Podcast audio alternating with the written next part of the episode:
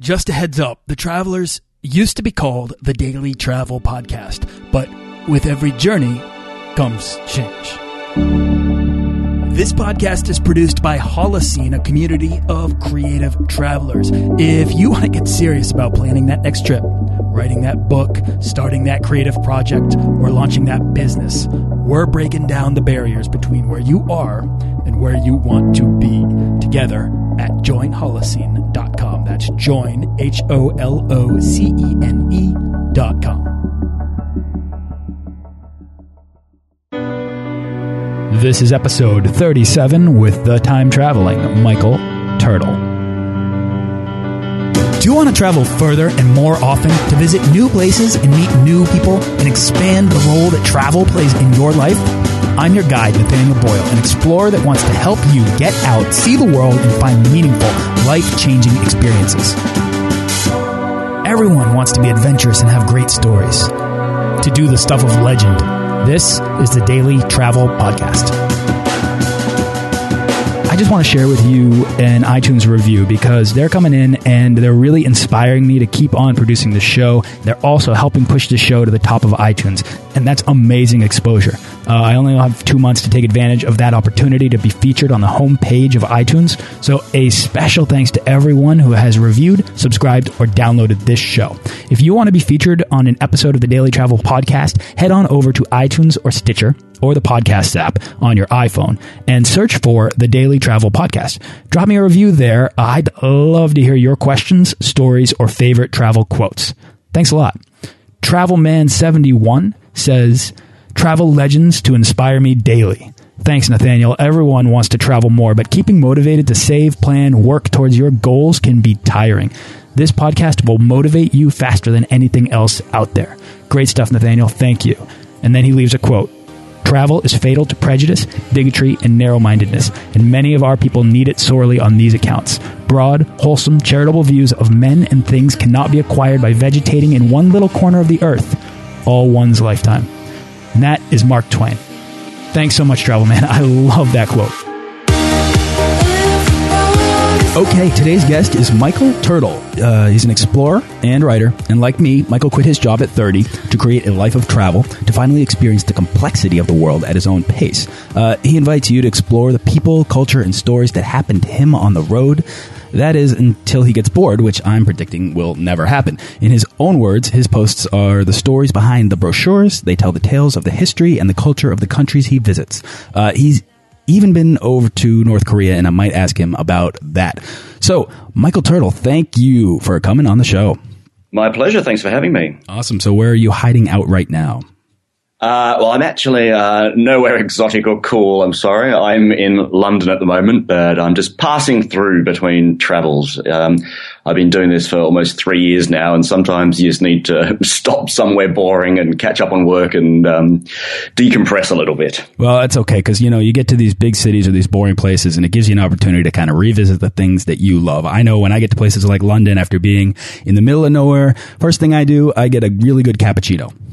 Yes, flat white for me, but yes, exactly that. There you yeah. go. All right, Mike, I like to ask uh, uh, every beer lover that I have on the show, uh, and I know you're a beer lover from yeah. your website. So, uh, what's your favorite style of beer? Uh, normally, I would have said that a, a lager, a, a, sort of a lager with a good bit of taste in there would be my favorite. But you know what? I'm actually going through a little bit of a phase at the moment of getting into Guinness. I used to hate the stuff, but I don't know what it is. Maybe it's being in London, but I don't know what it is. Hmm. something meaty and hearty about it. And I, I, I feel like I can skip a meal if I have a few Guinnesses. So maybe that's really why I'm doing that. That's it. I mean, this is a super touristy thing, especially for this show, but I was just at the Guinness Brewery and that was the best pint. I know it's kind of a cliche to say it, but it really was. Yeah. All right. Uh, I could travel the world just to explore new kinds of local beer. So I'm sorry that was my beer nerd uh, coming out. Uh, I think it's fascinating. Apologies to any non beer fans out there. Uh, Michael, I've given an overview, but I want you to tell us about yourself, what you do, and how you got started traveling.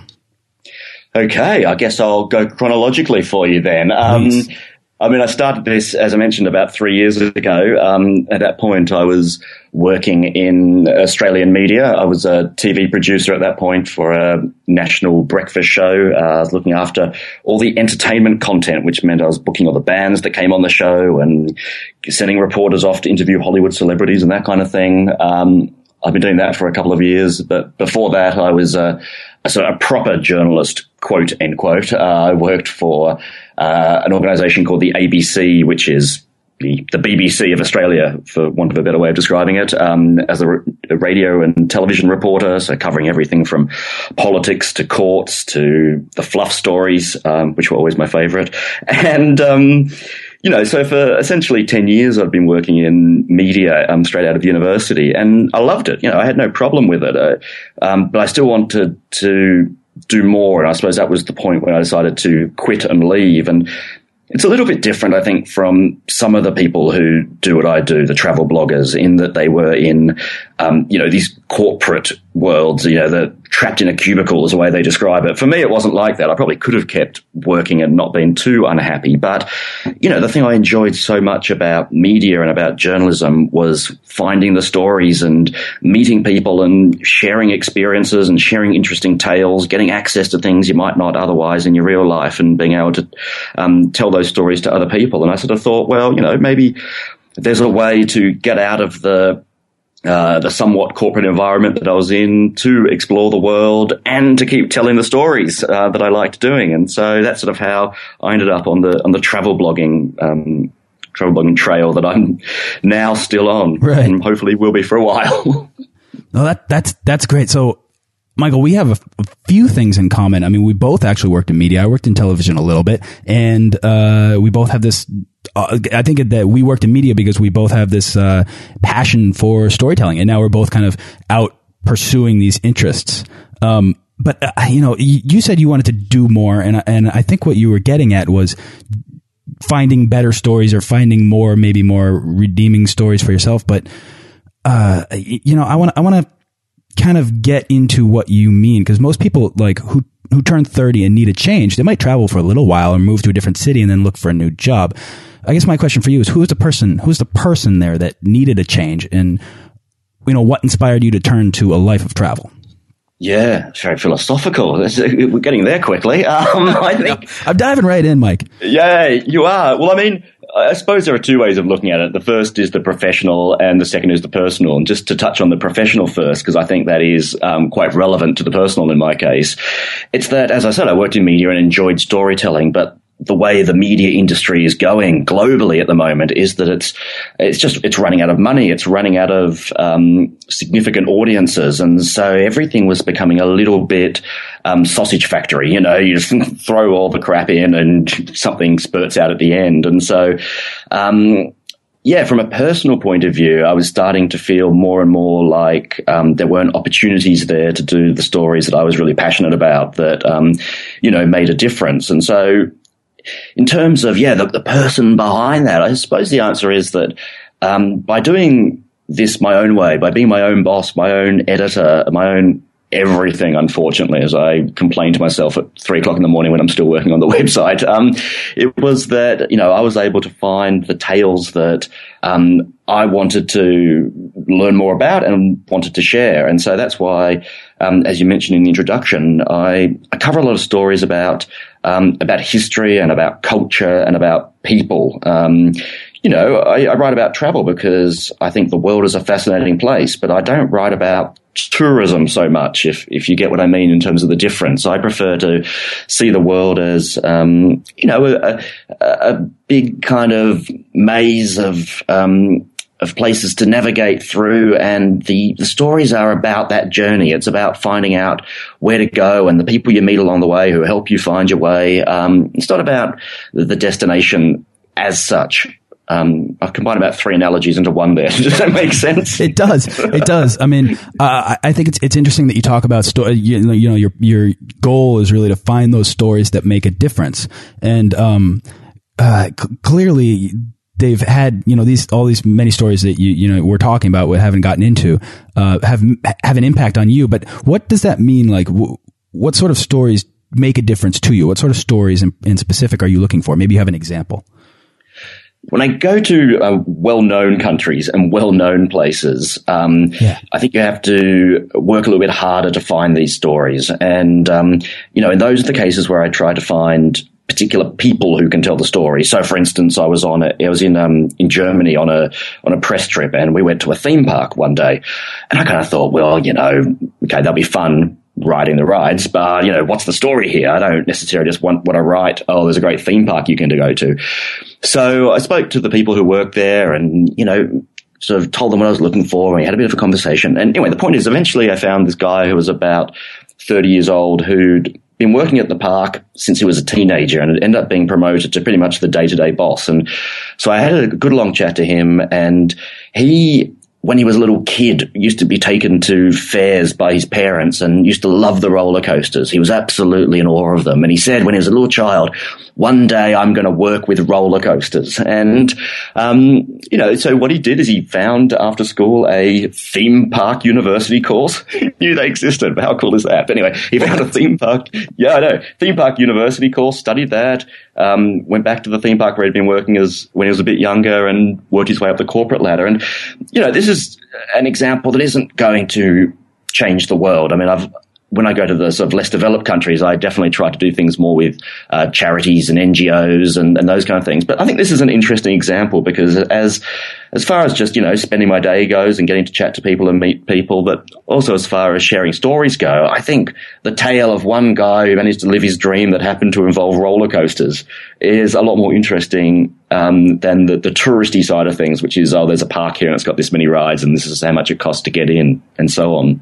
Well, absolutely. I mean, if you can kind of get deeper into what's going on there, the stories that happen in places, you can kind of uh, manifest a greater appreciation for the things that you have, which is kind of taking a step back to earlier. Craft beer, I think, is a great way to explore the world because you can really kind of di dive deep into the stories behind the breweries. And there's always this like underdog story amongst craft brewers. And you really have an appreciation for the people, for the, the, the, the, the cultural landscape, what's going on, what's being explored. And this, this goes into food, into art, into uh, I guess amusement parks, which I'd never even thought of. But that's yeah. that's great. I mean, it's a great way to really explore the authentic world that's almost impossible to to to to find on a wider scale. But on a personal level, you're able to kind of dive deep and identify these people and these amazing stories.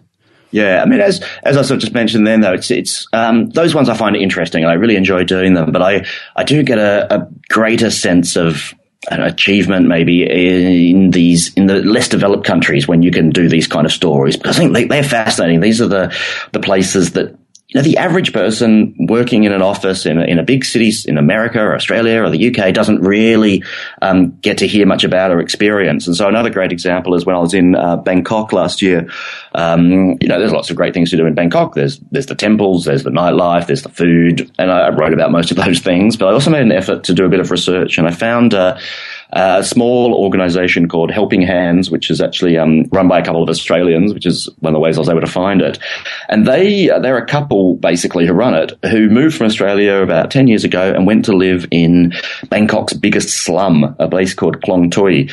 And while they were there, they started to meet the locals and they could see that these people were good people deep down. Um, but quite often they were living lives of desperation and some of them had to turn to um, either illegal or, not very pleasant things to basically get by. And so they thought, well, we're going to help these people. And so what they did is they started to set up uh, cafes and restaurants and shops that these people could work in, but not just work in, become the managers and ultimately become the owners of. And the idea was it was not just about creating restaurants and cafes um, that you know provided employment. They also then provided a place for tourists to go to then meet another side of the Bangkok people that they might not see in the five star hotels. And just by talking to these people, getting to know them, as well as you know, um, giving them a job, it it starts to lift people in a in a rather large and actually rather well developed city, Bangkok, compared to the rest of the country. It allows to lift them up out of the slums and give them um, a more meaningful life. And I found that story a really interesting one to do, and it's something that a normal tourist or a traveller can do, but it's not what you would normally see. And they're the kind of things I really like to share. Oh, absolutely. I mean, because that's the kind of uh, that's when when you experience or you find that thing. I think it's almost impossible to look for, Michael. And I'd actually be curious as to maybe how you how you put yourself in positions to find this. I mean, you've traveled the world very deliberately and allowed yourself to explore in a way that allows the unexpected things to happen to you. And like I like to say on the show, the best stories happen unexpectedly. And Yeah, right. so so how do you go? How do you go looking to find a great story, or maybe for anyone that's listening that's not a, a writer or a journalist, how can they travel to discover these stories or put themselves in positions to find them?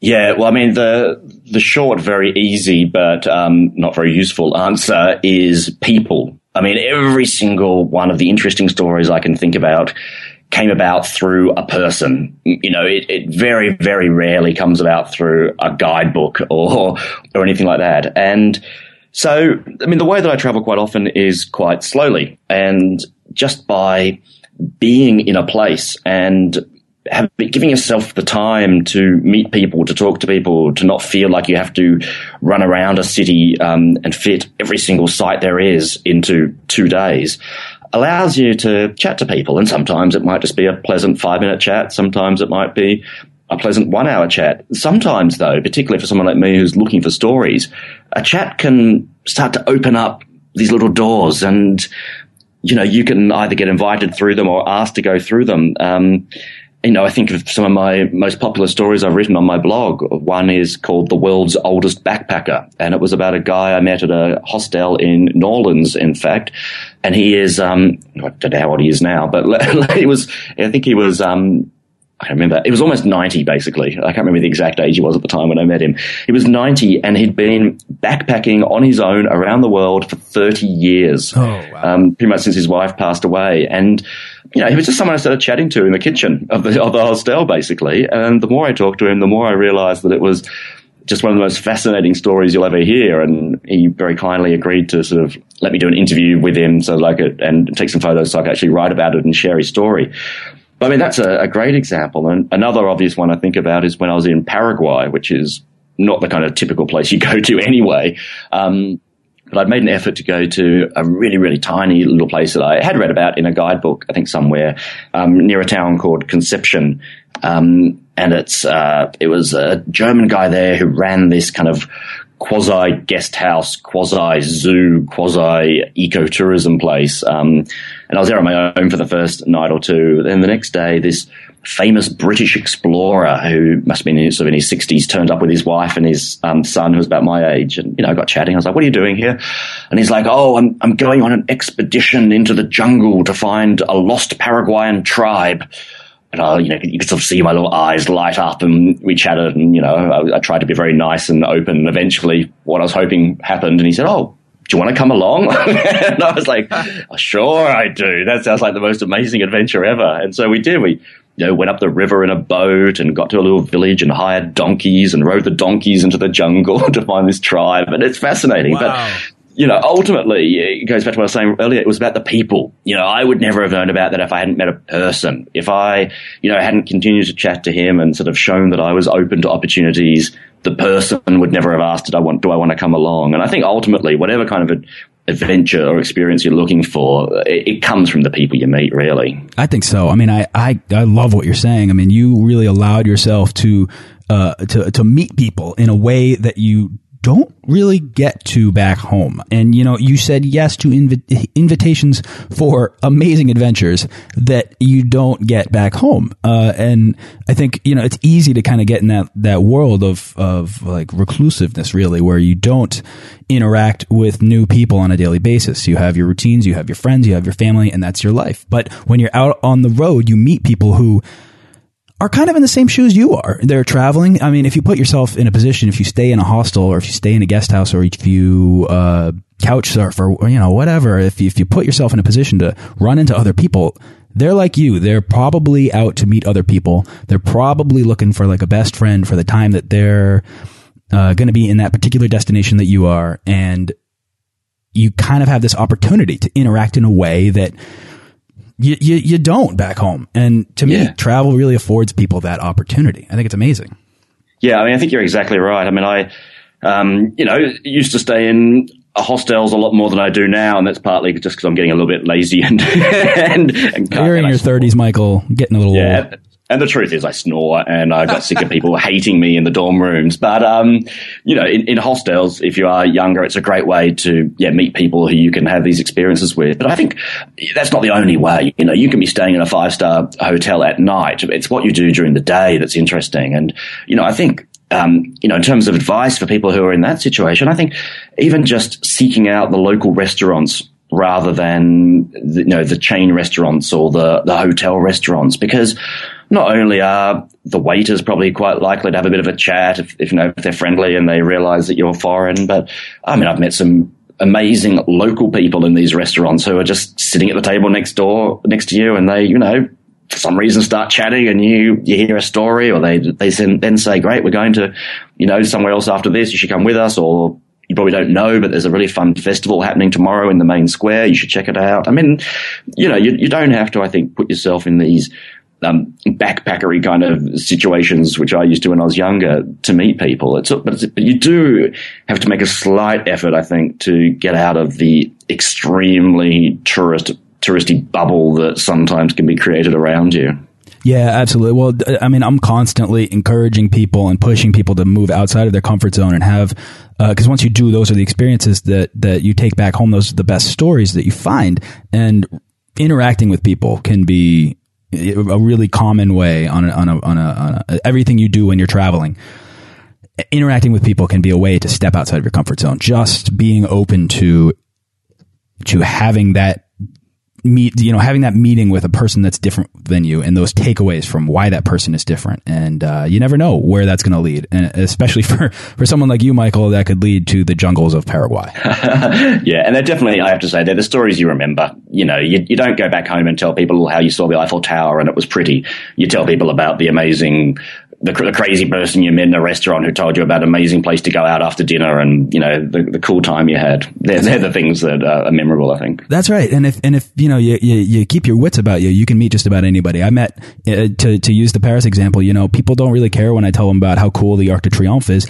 Uh, and what it's like to stand on top of it they but they, they, their eyes light up when I talk to them about the con artists that I spent you know talking 20 minutes to at Les Halles and who you know wanted to look at my money to to confirm whether or not it was counterfeit and I was sitting there like what is your game? What are you planning to do here? Rob me in front of all these people? Uh, and it was just this the really weird moment. But people really love those weird stories. And Michael, you have a section on your website that's just for weird things you encounter or experience. And everyone should check this stuff out because man, it's a strange, strange world. So like, let me ask the obvious. What's the weirdest thing you've ever encountered? Oh, jeez. Um, um, that's a tricky one. The weirdest thing I've ever encountered. Um, there was definitely a very strange experience I had in Beijing one time, which is, um, um, look, if there are kids listening at the moment, uh, block their ears. It's not too bad, but it was a um, it was a restaurant that had a, a rather unique delicacy. It served only animal penis every single dish what? was penis. and you got a menu and you could choose from bull and horse and dog and, you know, all, all sorts of weird animals. And then they would come in and um, there'd be a big broth in front of you and they'd cook you up the food. Oh right? my god! Well, they sort of bring it in raw and present it to you, and you sort of smile and nod and say, "That looks great, thanks." And then they cook it for you in the broth and serve it up on the plate. Um, I'm, I'm, losing was, it over here. That was certainly a very weird experience. Oh my god! Yeah, see, the world is the world is so so bizarre. I mean, it really it, there's there's just man that was in that was in China that was in China in Beijing. And I mean, I, I, spent a month in Japan last year, and I probably almost every single day I come up with a story that was weird there. But that's that's that's Japanese for you, isn't it? Yeah. It is. It is. I felt like I was in some sort of cartoon when I was in Tokyo. Yeah, I went to a cat cafe. Have you ever heard of these? Oh, I, you know, I think I have, but I'd not been to one. Tell me about it. Ah, they're fantastic. It's because in Tokyo, in particular, the the houses or the apartments really are so small um, that most of them uh, don't allow pets in them. But you know, humans have a need, I think, for interaction with animals like that. So they have these cafes across the city where they'll just have a dozen or two dozen cats in the cafe, and you turn up and you pay for an hour and you go in and you have a cup of coffee and, and, play with the cats, you know, on your way home from work and get your animal interaction. And it was a, that was a very strange situation sitting there with all these Japanese people with just cats jumping on us and, you know, coming up to be patted and all sorts of stuff. Oh, Michael, I'm going to uh, spend, uh, I'm going to spend the rest of the day just reading your weird, uh, your weird encounters and that whole section of your website. This is so bizarre. So, um, yeah, I mean, you've had adventures from like being, uh, you know, adventures in, in the the jungles of Paraguay uh, to uh, animal penis restaurants. Okay, so like as a result of of all of finding all these stories, how has travel changed you or your perspective on things as an individual, and what does travel mean to you now? Um. Yeah, in terms of the first question, I think um, I wouldn't say it's actually changed me dramatically because I think I was the I think, you know, if, if you decide you want to do something for this long, um, I think you're the kind of person who hopes or knows that they're going to enjoy it. But the things that have changed within me are that I'm a lot more, uh, I'm a lot more patient and I'm a lot more open, um, a lot more sort of forgiving and understanding probably. Um, I think that comes for, from two reasons. One is that you become the person who is quite often lost and confused and doing something wrong and, you know, making a fool of yourself or annoying somebody else because you can't get the ticket machine at the train station to work or anything like that. And so when I see it happening to other people, I think I'm, yeah, a lot more forgiving and, and open and patient with them because I think, well, you know, maybe, maybe you're like I was the other week and you just don't understand. You're not from here. Um, and also I think just because, you know, the, the amount of times I've been stuck on the side of a road in Asia for two hours when the bus should have come, you know, at eight o'clock in the morning and it's 10 o'clock and it hasn't come yet. You start to get very impatient and annoyed. But I've got to say, I think every time the bus turned up and you, you, you do sort of start to learn just to go with the flow and put up with those kind of things. Um, you know, you just sit there and read a book or think about the world and eventually it rolls on up and you get on and there's absolutely nothing you can do about it. Um, you know, if you take, for example, um, getting to a flight on time, you know, I used to have to fly quite a lot for work and if I was running a little bit late or I was worried I was going to miss it, I, I used to get really stressed. Um, but quite often there was nothing you could do about it. And this is sort of something that's really changed with me. If I think I'm running late for a flight and I'm on a bus, for instance, and the bus is the only way to get there, I sort of just have to sit back and say, well, there's nothing I can do about this. You know, um, stressing about missing the, the flight is not going to get the bus there any sooner. Um, maybe thinking about whether you jump off the bus and get a taxi and that would get you there better is something to do. But if there's absolutely no way that you can change the situation, I just don't worry about it anymore. I just let it let it go by and deal with the consequences when they come. Yeah, absolutely, Michael. I mean, I, I know when I when when I before I left for a, a big back backpack trip around the world, I had a lot of kind of uh, small things. Like, for example, I needed perfect pitch black and silence in order to sleep. And that very quickly changed. And that was a really small example of, of many, many ways that I kind of expanded my personality, my adaptability to my surroundings, uh, because I traveled. And that's, that's just a physical thing. I think, uh, uh, emotionally on a personal basis, uh, a perspective of the world basis. Uh, I think I changed in a in an amazing way. And you know, I'm trying to get here. I'm trying to get at the value of travel and why everyone should have these outlandish experiences that you have. You know, maybe why you should go to a, animal penis restaurant. But I don't know if I'd recommend that. two two stars. Uh, the experience yeah. uh, to experience the complexity of the world. You know, and understand that it's it's it's not as simple as we see it to be back home. Yeah, I mean, I definitely I, I go back to Sydney not very often, unfortunately. I've probably been only back about twice in the last three years. But you're right, I do see a difference probably between the way that I treat things and the way that my friends there treat things. And it's, it's not it's not a bad thing. I mean, you know, um, but uh, you're right. Your perspective changes a little bit. You see the world as a bigger place than just you know, your nine to five job and the fact that the gym was a bit crowded after work and then you had to wait a bit too long for the train home or whatever it may be. You know, those things start to pale in comparison a little bit. And you do see that there are actually, there are bigger, more important things out there, but also that, you know, you're just a, you're just a sort of relatively small part in, in the whole system, and you can't expect the whole the whole world and the whole system to be perfect for you. You have to make an effort to a certain extent to make what there what does exist work for you. If that makes sense. It makes great sense. I actually I love that. I'm going to cap this part of the interview with that because I want everyone to experience that and come home with those stories and come home with those experiences and that that change that that you've had that I've had that everyone can have. I think. Um, okay, Michael. So we're, we have run a little over. Uh, oh, sorry, sorry. I, I, have a tendency to talk. that's okay. But so I'm gonna, if if you don't mind, I'm gonna get into the, the the part of the show where we boil down the how and the why of travel into more pragmatic advice. Um, yep, yep, let's go. All it. right, here we go. So you can fire some quick answers back at me, or you can take your time. It's up to you, Michael. It's this is this is your moment. all right. So for a lot of people, taking that first step out the door can be the hardest part of travel. So what's your advice for anyone dreaming to take the first step to becoming a world traveler? Um, I think on a, on a, slightly philosophical level, to know why you want to do it. Uh, I mean, there are so many options out there, and this still happens with me sometimes. I get a little bit confused about what to do and where to go. But I think if you know why you're doing it, it's so much easier to start making the first step and then the second step and then the third step. If you're interested in um, history, know that you're interested in history and you can start going to places to explore that. If you're interested in food, you know that you can start exploring. If you know that you want to relax, you can um, know that you're not going to jam pack your schedule. I, I think. I think really getting to the heart of why you want to travel is the first important step. Awesome. The biggest hurdle for most people who want to travel more is cost. Do you have a, a secret money saving tip or travel hack?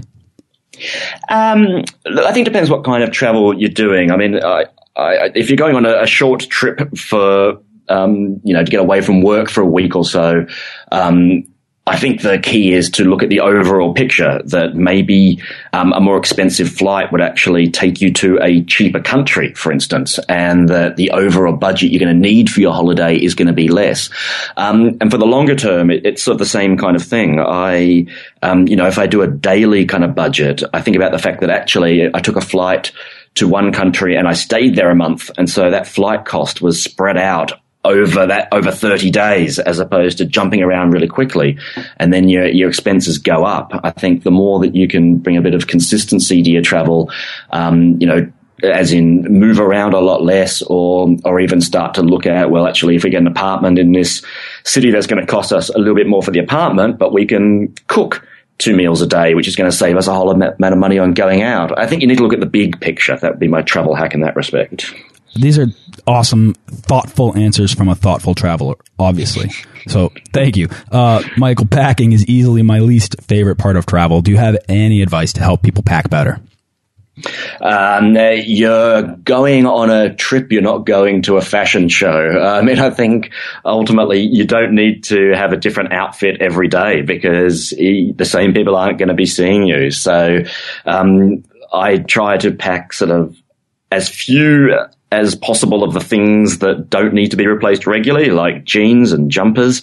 And I try to pack as many as possible of the things that can delay a washing day, like underwear and socks. and so um, you will see me in the same pair of jeans for probably two weeks, but I promise you I have clean underwear on. That's the secret right there. Yeah. Do you have a favorite internet travel tool or resource? You know what? It's probably Google Maps just because yeah. it has just come so far in the last few years. I mean, in a lot of countries, it not just tells you how long it will take you to walk between places, it will actually give you the public transport options, where to change, how to change, what the options will be in two hours' time.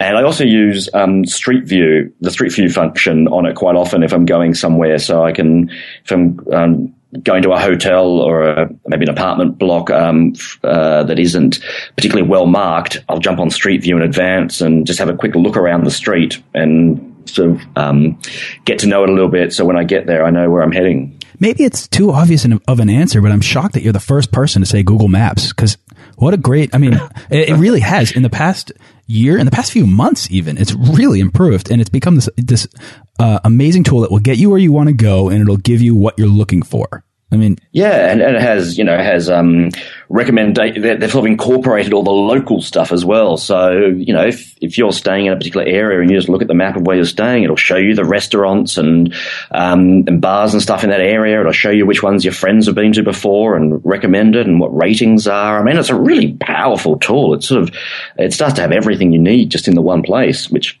I guess is the aim, seeing as Google is taking over the world one step at a time. That's absolutely right. It's not just MapQuest anymore, folks. Yeah. All right, Michael, do you have a favorite piece of travel gear that you take everywhere you go? Um, yes. Well, I mean, I'll give you two because they're very different. And the first one's very obvious. It's my phone. It goes back to the Google Maps thing we were just talking about. You know, I can't I can't live without my phone these days. Not because I ever use it to make calls, but just because it has every little bit of information I will ever need in there. And I do remember the days when I was much, much younger backpacking and, you know, I can't, I can't imagine how I did it back then, not being able to quickly look and see where somewhere is. But the other answer, which I think is, you know, is, is a bit more of a personal kind of thing. It's my hoodie jumper.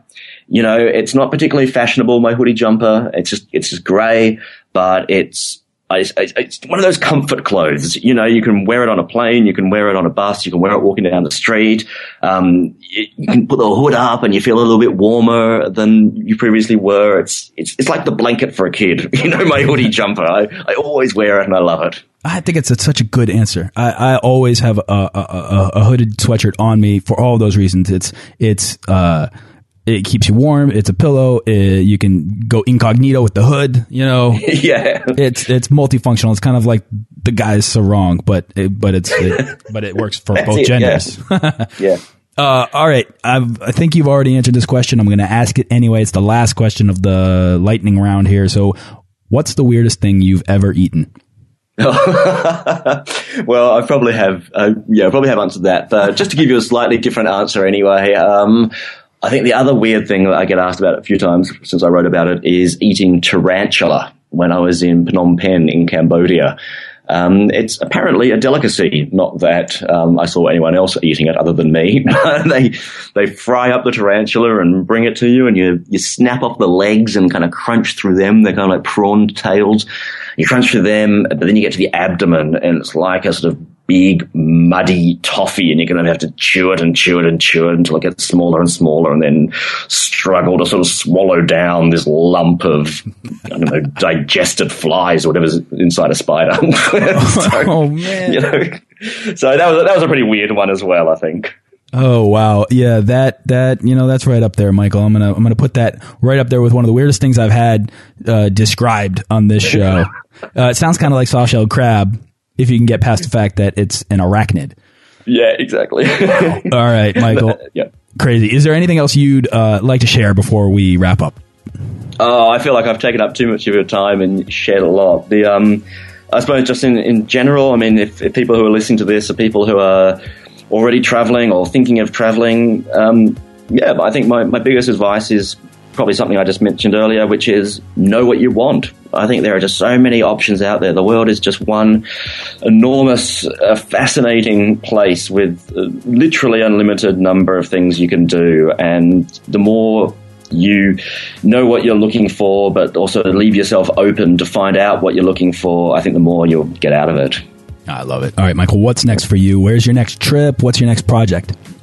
Um, good question. I am off to uh, Germany shortly just to do a, a, short little trip around the Hamburg region. Um, but then I'm actually in the planning stage right now for a big trip. Um, I've got a month spare, which doesn't happen all the time. And I'm thinking at the moment I'm going to go to Peru. Um, I've done a bit of South America, but I've never done Peru. And I'm going to go there, I think, for a month and explore the cultural heritage of Peru. I think um, both the ancient stuff, but also the more recent stuff. I want to sort of see what makes the country, um, make the country's history and heritage and culture tick.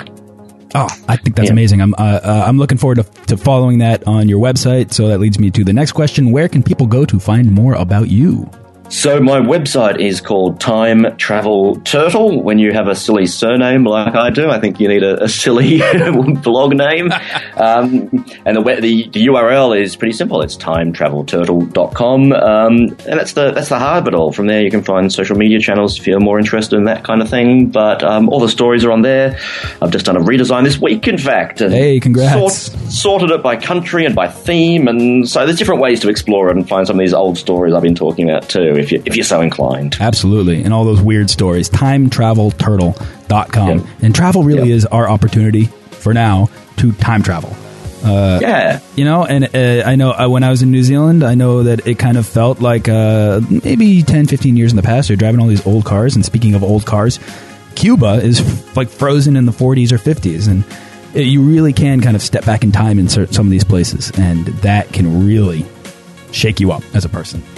Yeah, definitely. It's a great way to look at it. Yeah. Absolutely. Absolutely. Awesome. All right. Well, thanks so much for coming on the show, Michael. I, I, I had a great time chatting with you here. No, my pleasure. I had a great time too. It's lovely to talk with you. All right. Well, hopefully I'll have you back on. And uh, in the meantime, happy wandering. Thank you. Cheers. You too. Thanks for listening to this episode of the Daily Travel Podcast. For show notes and links to everything in this episode and more, head on over to dailytravelpodcast.com. Join our Facebook page of explorers and subscribe to our newsletter for the best deals and resources to help make your next trip life changing.